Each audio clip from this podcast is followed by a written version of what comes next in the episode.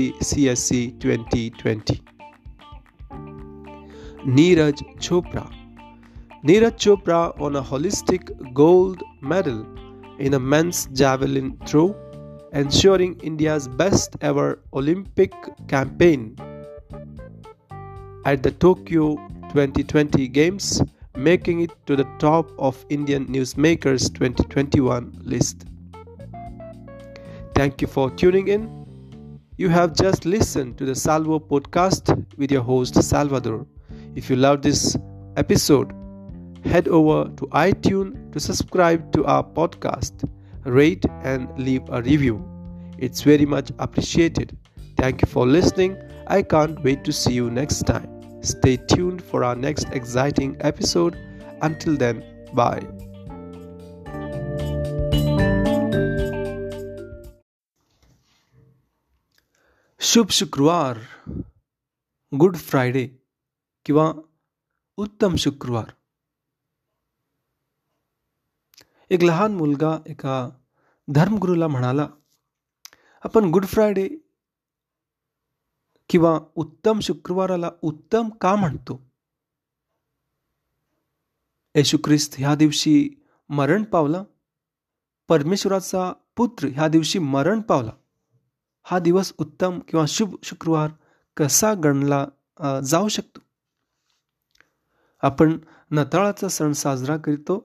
हे उत्तम आहे हे शुभ आहे आपण ईस्टरचा सण साजरा करतो पुनरुत्थित येशूचा सण साजरा करतो हे गुड आहे उत्तम आहे शुभ आहे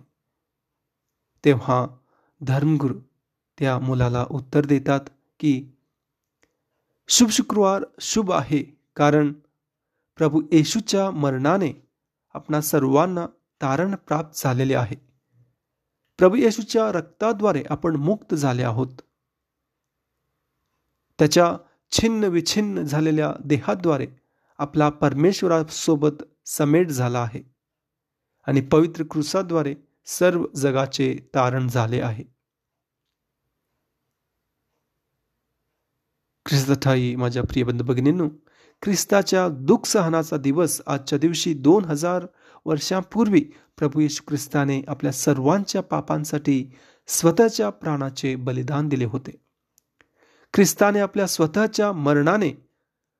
आपल्या सर्व मानव जातीच्या जातीच्या पापांवर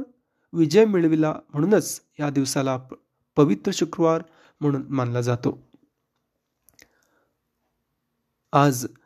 गुड फ्रायडेच्या दिवशी आपण क्षमा या विषयावर मनन चिंतन करीत आहोत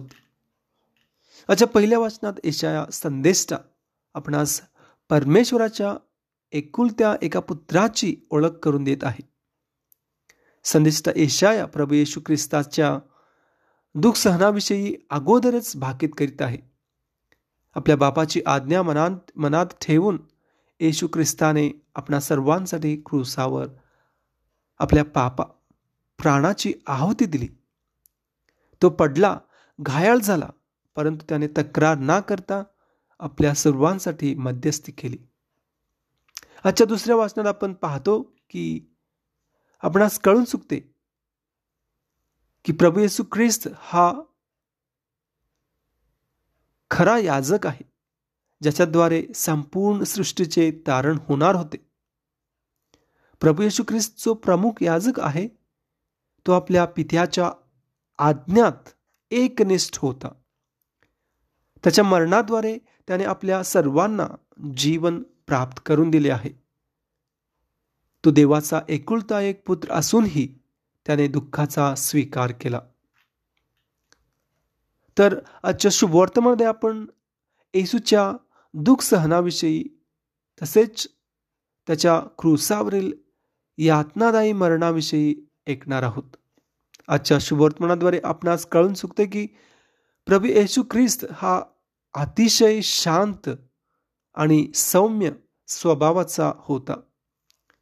ज्यावेळी शिपाई त्याला पकडण्यात आले तेव्हा त्याने त्यांच्यावर कसल्याही प्रकारच्या राग व्यक्त ना करता शांतपणे स्वतःला त्यांच्या हाती स्वाधीन केले येशूने आतोनात कस्त आनी दुख सोसले परंतू एका शब्दानेही त्याने त्याच्या मारेकऱ्यांची निंदा केली नाही क्रूर शिपायांनी येशूची थट्टा मस्करी केली त्याच्या अंगावर थुंकले त्याचे कपडे फाडले इतकेच नव्हे तर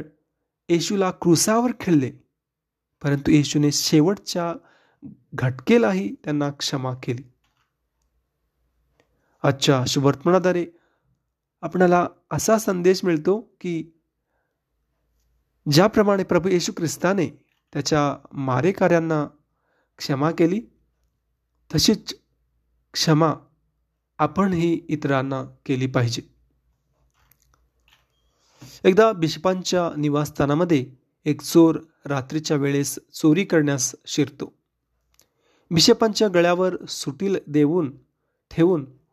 सुरी ठेवून तो बिशपांना मारण्याची धमकी देतो परंतु बिशप थोडेही ना घाबरता त्या चोराला समजावण्याचा प्रयत्न करतात रात्री साडेबाराची वेळ बिशप चोराला फ्रीजमध्ये असलेले जेव जेवण गरम करून खायला देतात आणि त्यानंतर त्याला झोपण्यास खोलीची व्यवस्थाही करतात सकाळीं उठून शांतपणे पुन्हा बोलू असे म्हटल्यावर चोर आश्चर्यचकित झाला त्याने बिशप्पांना प्रश्न विचारले की मी चोर असून सुद्धा तुम्ही माझ्याशी इतक्या प्रेमाशी का वागतात तेव्हा बिशप म्हणाले तू चोर असला तरी देवाचा मुलगा आहेस आणि माझा भाऊ त्यामुळे माझ्या भावाशी मी प्रेमानेच वागायला हवेना असे म्हणून बिशप झोपायला आपल्या खोलीत निघून गेले इतक्यात थोड्या वेळात चोराच्या मनात पुन्हा चोरीचा विचाराला आला त्याची नजर त्याच्या समोर असलेल्या दोन सोनेरी रंगाच्या मेणबत्तींवर केली त्या मेणबत्त्या सोन्याच्या समजून चोराने त्या पिशवीत घातल्या आनी लागलीच तेथून पळ काडला सकाळी सुमारे साडेपांचच्या दरम्यान पोलीस पहाऱ्यावर असताना नेमका हा चोर त्यांच्या तावडीत सापडला दोन खानाखाली खातच चोराने सर्व हकीकत पोलिसांना सांगितली तेव्हा पोलिसांनी चोराला बिशपांकडे आणले आणि त्या दोन्ही मेणबत्त्या बिशपांकडे देऊन चोराला पुन्हा चोप देऊ लागले त्यावर बिशपांनी पोलिसांना थांबवले आणि तो चोर चोर नसून आपणच त्याला ह्या मेणबत्त्या दिल्याचे सांगितले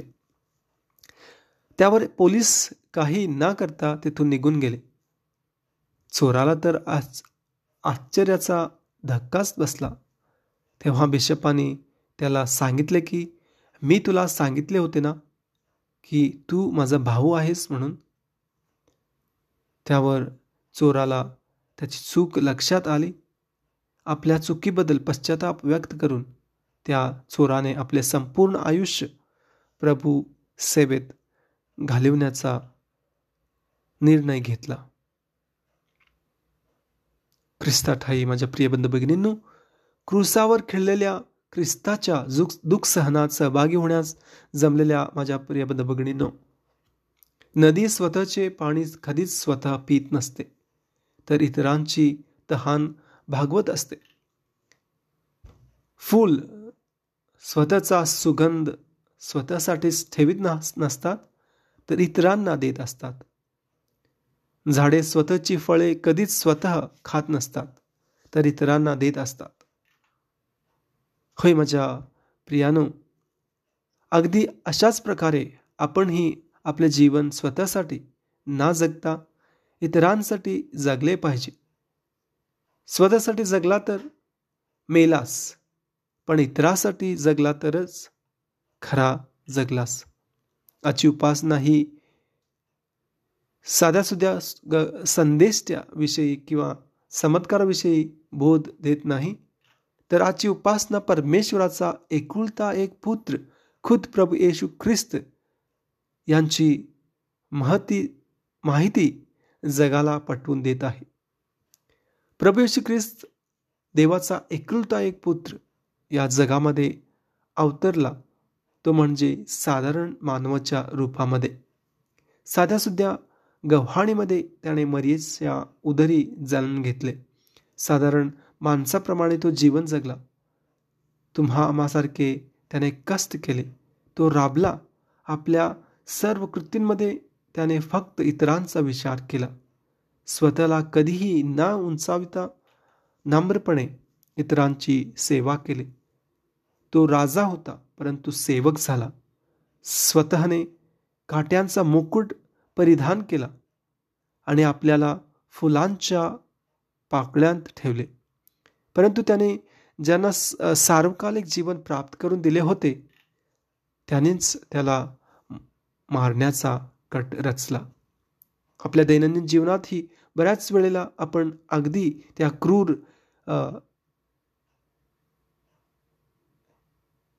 शिपायांप्रमाणेच वागत असतो परमेश्वर आपल्यावर भरपूर अशी प्रीती प्रेम करत असतो परंतु त्या प्रेमाची जाणीव न ठेवता आपण नेहमी पापांच्या आहारी जात असतो राग मत्सर हेवा द्वेष चीड इतरां बद्दल सुडाची भावना अशा अनेक कितीतरी गोष्टींमुळे आपण देवाच्या दूर जात असतो कधी कधी या जागतिक सुखाच्या मागे आपण इतके बेधुंद होतो की आपल्याला देवाचा जणू विसरच पडलेला असतो परंतु माझ्या प्रिय बंधू आणि बघणींनो आपण देवाच्या कितीही दूर गेलो तरी देव मात्र आपल्या जवळ असतो तो नेहमी आपल्यावर नजर ठेवून असतो ज्याप्रमाणे आपण लोकाच्या शुभवर्तमानात चौदाव्या अध्यायात वाचतो की उधळ्या पुत्राने सर्व धन संपत्ती विकून मौज मजा केली परंतु जेव्हा त्याचे डोळे उघडले आणि त्याला समजले की त्याने चूक केली होती तेव्हा त्याने पुन्हा त्याच्या पित्याकडे धाव घेतली पित्याने दूर वरून पाहताच धाव घेतली आणि आनंदाने आपल्या परतलेल्या मुलाचा स्वीकार केला पृथ्वीवरील पिता जर आपल्या मुलाच्या परतण्याविषयी इतका खुश असेल तर आपल्या पापांच्या पश्चातापाने आपला स्वर्गीय पिता किती खुश होईल लूक पंधरा आठ सांगते ज्यांना पश्चातापी पश्चातापाची गरज नाही अशा णव्याण्णव नेतीमानांपेक्षा पश्चाताप करणाऱ्या एका पाप्याबद्दल स्वर्गात अधिक आनंद होईल परंतु आपण पश्चाताप करण्यासाठी तयार आहोत का की अजूनही भौतिक सुखाची धुंद आपल्या डोळ्यावर फडफडत आहे आज मनुष्य स्वतःच्या फायद्यासाठी काहीही करण्यासाठी तयार आहे सृष्टीची हानी तर करतोच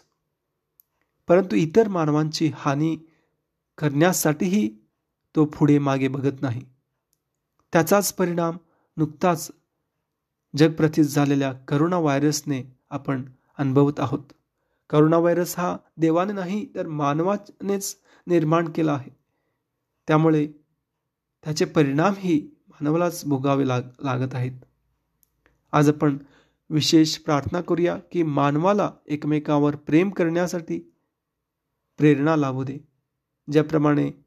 ख्रिस्त आपल्यासाठी क्रुसावर मरण पावला त्याचप्रमाणे आपण आपणही आपलं जीवन इतरांसाठी व्यवस्थित करावे जेणेकरून परमेश्वराची कृपा आपल्या सर्वांवर सदोदित राहील एकदां संत एकनाथ महाराजांनी एका भक्ताने प्रश्न केला नाथ तुमचे जीवन किती सुंदर किती प्रशांत आहे परंतु आमच्या जीवनात सदैव ओढथण गोंधळ गडबड द्वेष मात्सर आणि गदारोळ आम्ही तुमच्यासारखे शांत स्थिर जीव स्थिर जीवन जगण्यासाठी कोणता उपाय करावा संत म्हणाले ते सारे राहू दे परंतु तुला मी एक गोष्ट सांगतो की तुझे मरण जवळ आले आहे आठ दिवसांत मरणार असे वाटते भक्त घाबरला तसाच घरी आला त्याला सारखे आपले मरण डोळ्यासमोर दिसत होते आपण पृथ्वीवर फक्त काही दिवसांचा सोबती आहे हे त्याला भासू लागले तो आपल्या शेजरांकडे गेला आणि त्याला म्हणाला बंधू मी तुम्हाला उगीच छळले वाईट अभद्रते बोललो पुष्कळदा दुखविले मला क्षमा करा त्याने आपल्या मुलांना छातीशी धरले तो त्यानं म्हणाला तुम्हाला मी उगीच ओरडलो कधी मारलेले देखील मला क्षमा कर गावातल्या एका मित्राकडे गेला आणि म्हणाला मित्रा जाले गेले विसरून जा मी तुजी माफी मागतो अशा प्रकारे तो सर्वांशी नम्रपणे वागू लागला आठ दिवस झाले संत एकनाथ त्या भक्ताच्या घरी आले तो मनुष्य नाथांच्या पाया पडून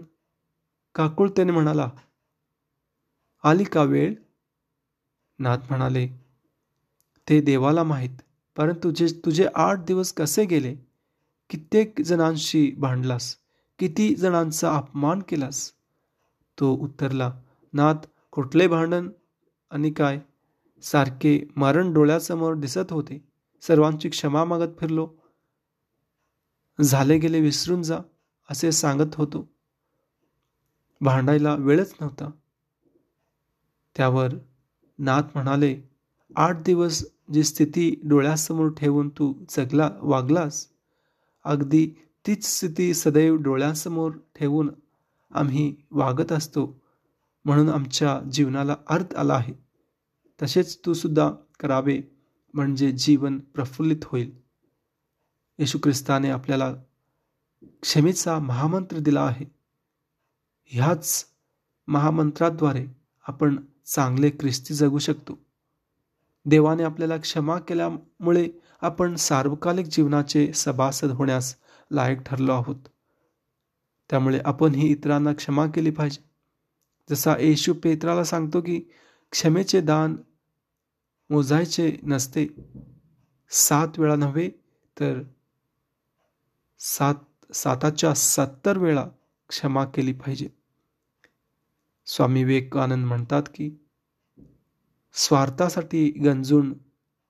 जाण्यापेक्षा परमार्थासाठी झिंजून जा